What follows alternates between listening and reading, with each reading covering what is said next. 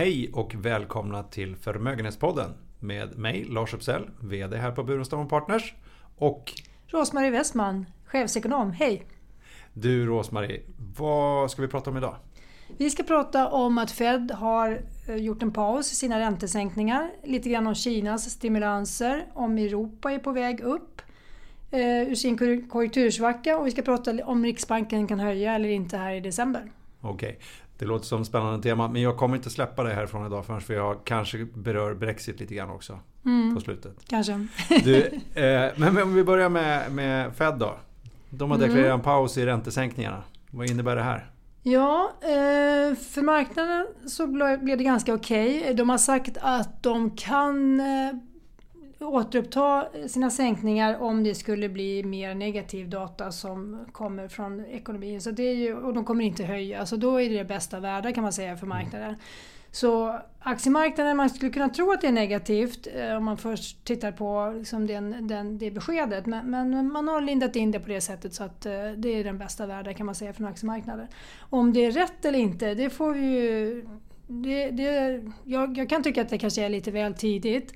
Nu har de gjort 75 punkter på endast, alltså 3 gånger 25 på endast 4 månader. Det är en väldigt snabb takt. Så att eh, jag tycker det är rimligt att de inte kan fortsätta i den snabba takten men man kanske kan, skulle inte avblåst på samma tydliga sätt utan hållit dörren lite mer öppen än vad man gör nu. Men eh, vi får se. Ja, vi får se om det är rätt beslut. Och de kan väl ändras. De brukar väl ganska... Jag upplever att Fed... Du, du får, det här är en... Eh, spekulera lite. Men eh, jag upplever att Fed är lite snabbare på fötterna än vad kanske svenska Riksbanken och Europa är. Ja, jag vet, ja.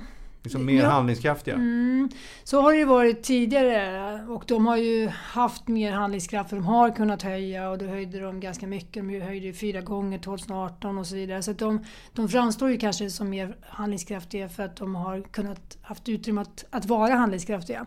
Men annars tycker jag att eh, Mario Draghi som precis har avgått nu då, som ECB-chef, han eh, har väl också varit ganska eh, ja, kraftfull ändå i, sina, i, sitt handla, i sitt handlande och hanteringen av det. Men det där stämmer lite grann nu också? USA har lite mer handlingsutrymme i och med att de har en, en mer ränta att tala om. Mm, det har de. Mm. Och eh, det kan ju vara så, alltså den, den här, de har stor skillnad både på långa och korta räntor jämfört med andra utvecklade länder. Eh, de ligger ju på över 1,8 och det finns ju få andra utvecklade länder som ligger över 1 Så de har ju dubbla räntenivån mot övriga länder.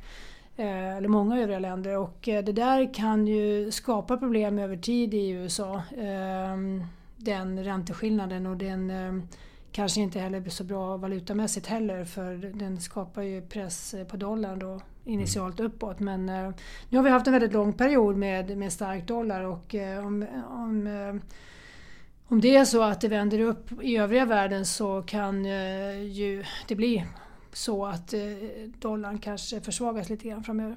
Men är det den valutaeffekten som du menar är den problematiska med att de har en starkare eller en högre ränta? Ja, det, de får, det skapar ju ett, vissa spänningar, det gör det ju. Och, eh, och det drar ju till sig kapital till USA. Mm. Och det behöver de ju det, det behöver de eftersom de har höga underskott och både inom handeln handelsunderskott och de har ju högt budgetunderskott. Så att eh, de behöver ju också vara attraktiva. Men eh, jag tror inte att de skulle behöva ha så stor skillnad för att eh, attrahera kapital. Nej. Men om vi, om vi hoppar till eh, Kina då. Mm. De stimulerar mindre än väntat. Ja, det har ju varit ganska stabilt i, trots allt. Många hade ju trott, och bilden av Kina var ju att det bromsade väldigt kraftfullt förra året och att det skulle fortsätta in på det här året. Men, men jag tycker 2019 har gett ett ganska stabilt intryck och de gjorde ganska mycket stimulanser i början på det här året. Eh, och, eh, men det finns signaler som säger ändå att de inte, alltså benägenheten att eh, stimulera är inte lika hög. Och det beror ju på att de har också kommit i den sitsen att, att ehm, det är helt enkelt inte värt det. Det blir, för mycket, eh, det blir för mycket risker, finansiella risker i systemet. De kan inte öka belåningen speciellt mycket mer på kort sikt. Eh, de har lite problem ehm, Eh, med eh, belåningen då hos kommuner och företag och, och de har också valutan att tänka på. Annars har de ju en del ränta kvar. Eh, det, är ju, det liknar de i USA. De har ränta kvar att sänka men de har inte speciellt mycket kvar på den fiskala sidan för de ligger nämligen också på ett underskott här nu som är över 5% det har skett ganska så i skymundan för de har ett, ett mål på 2,8% och nu ligger de alltså på det dubbla.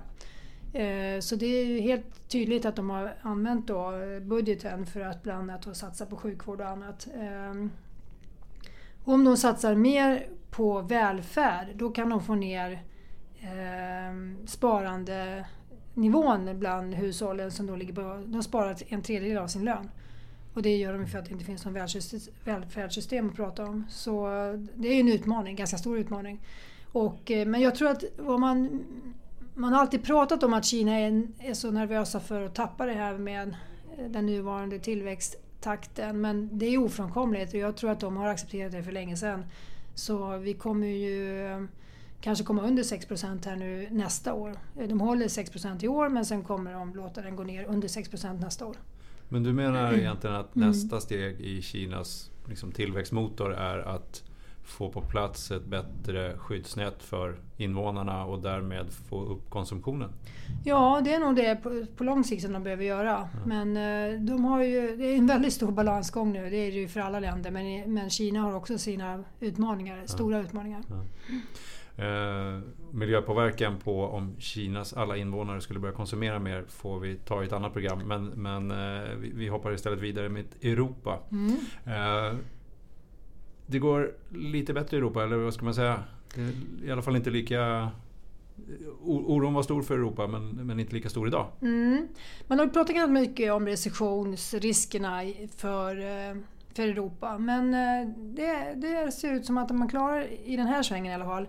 Och eh, nu kom det, det är lågt det är lågt men det är stabilt lågt om man säger. Så att årstakten är 1,1 procent. Det det är kanske högre än vad många tror. Eh, när det är riktigt bra skjuts i den europeiska ekonomin då ligger vi på 1,8 eller 2,0 och sånt där. Så det är, vi har ju för halva takten nu. Drygt. Eh, och vissa länder har ju varit eh, mer eh, svaga än andra. Italien har fortfarande inte negativ tillväxt om man tittar på kvartals mot kvartal. Utan de ligger på 0,1. Det är positivt. Och, däremot har ju Tyskland haft några negativa kvartal. De hade ett det andra kvartalet eh, och nu är frågan då om de eh, var på plus eller minus här på, på tredje kvartalet. Men eh, jag tycker som helhet då att, att det ser inte så förskräckligt ut. Jag, jag har heller inte känt den oron själv utan jag tycker vissa länder, Frankrike ligger rätt bra. De ligger på 1,3, de ligger över snittet nu då. Betydligt starkare än Tyskland. De har ju en ekonomi som inte alls är lika exportberoende som vad Tyskland ser. Så de, det är väldigt specifika eh, problem med Tyskland. Det är ju det bilberoendet och det är ju överhuvudtaget beroendet av export och industriproduktion. Mm. Och sen har de ju aldrig någon riktig fart på sin eh, konsumtion, har aldrig haft. så det är ett konstant problem i, i Tyskland kan man säga. Och vad ska de göra för att få fart på sin konsumtion då? Om vi pratar ja, om Kina. då får de bli Hjärntvättade. Hjärntvättade. på något sätt. Det ligger inte i tyskarnas Nej, natur. och vi kommer in i en, eh, apropå andra saker vi inte har, tid att prata om, så trendmässigt så ska man ju komma in i perioder när man ska kanske konsumera mindre. Mm. Så, så då, klart, då, är det inte så lätt av tyskarna att dra, dra igång någonting som avviker mot detta. Men, men eh, de är ju... Eh, de har satsningar inom miljöområdet. Eh, där ligger de på 50 miljarder eh, som de är dedikerade till detta. Så där finns en omställning de kan göra som bidrar till ekonomisk tillväxt. Mm. Eh, vi hoppar till Riksbanken. De, eh, det är idag den 7 november. Eh, vi sitter här på förmiddagen och det börjar närma sig december. Och Riksbanken ska då höja räntan säger de. Kommer de eh, klara det?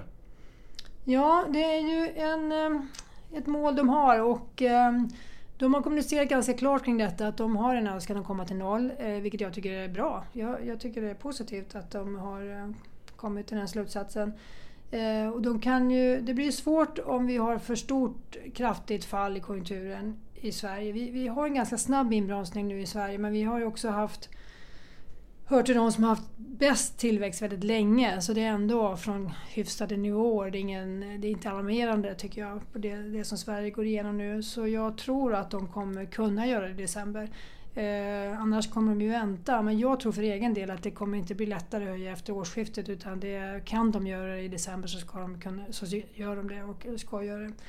Eh, det finns ett annat argument som inte är lika synligt och det är ju att i den här sista sänkningen som kom från ECB här i september eh, när de sänkte från minus 0,4 till minus 0,5 då introducerar de tvådelade räntor för banksystemet som innebär att de kan göra en inlåning hos centralbanken på 0% ränta för en del av den inlåning de har. En del av de kassareserver de har. Och eh, det är ju bra för det europeiska banksystemet och då är det möjligt att eh, Riksbanken då, vi i Sverige som ligger utanför euro, att vi har en strävan att kanske eh, att det blir lika förutsättningar då för banksystemen i, i både, både Sverige och Europa med att höja upp till noll. Det, det kan finnas en sån extra eh, vinkel på det här. Men en sån separation med två räntor ser du inte framför dig i Sverige? Nej, det gör jag inte. Jag tror att det är politiskt känsligt här. Eh, det är så tekniskt så att eh, alla är inte med på exakt vad som händer men, men det blir ju mer eller mindre en subvention eller det blir en subvention från centralbanken till, bank, till från centralbanken till, bank, till affärsbankerna. Mm. Och det, det, är ju politiskt eh, lite känsligt. Bra Rosmarie, men som sagt innan jag släpper dig här. Eh, Brexit måste vi kommentera även om det, det har väl lugnat ner sig? Ja, det har det gjort, men vi hamnar ju igen, från en galen tunna till en annan kan man säga. Det är, eh, man blir förvånad tycker jag som utomstående att eh, den här eh, benägenheten att spela högt, den finns där helt oavbruten. Och nu tar vi ett nytt kapitel i det och gör ett nytt nyval. De har ju, man ska komma ihåg att de röstade faktiskt för, den enda omröstningen han har fått ett ja på tror jag, Boris Johnson, och det var ju, han hade ett omförhandlat avtal eh, med EU då som innebar eh, att gränsen skulle gå i Irländska sjön som man säger då, så det var vissa eh, undantag för Nordirland. Och det fick han en ja på i parlamentet. Och eh, nästa eh, omröstning därefter som han ville ha igenom det var att allt det här lagstiftningen skulle tas på tre dagar.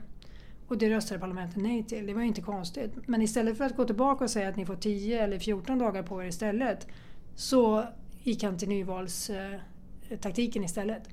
Så vi har ju varit väldigt, väldigt nära egentligen att få igenom, skulle jag säga, eh, en, eh, en Brexit. Men det blev i alla fall ett nyval och i den fasen som vi är nu den liknar väldigt mycket det som hände för Theresa May 2017 när hon eh, utlyste sitt nyval som då hölls i juni tror jag det var. Då hade Tory en stor ledning i opinionsundersökningar. Precis samma sak nu. Så om man bara tar opinionsundersökningar så ser det ut som att det blir majoritetsregering för Tories. Men allting kan ju hända. Och blir det inte det utfallet, eh, då kan allting hända igen. Så det kanske är bra för de här som hoppas på att det inte ska bli någon Brexit. Eh, de kommer vara glada om det blir lite, alltså om Tories inte får den här majoriteten. Men det kommer också fördröja hela processen tror jag om det skulle bli ett sådant utfall att eh, då, eh, de kan samordna oppositionen mot Brexit. Det kan man göra men det är ingen lätt process i det här läget. Det kommer ta tid. Vi kommer nog skriva fler kapitel i Brexit-boken. Tyvärr. Ja. Eh, med det så tänkte vi avsluta för idag. Så vi tackar er lyssnare för att ni har lyssnat och på återhörande.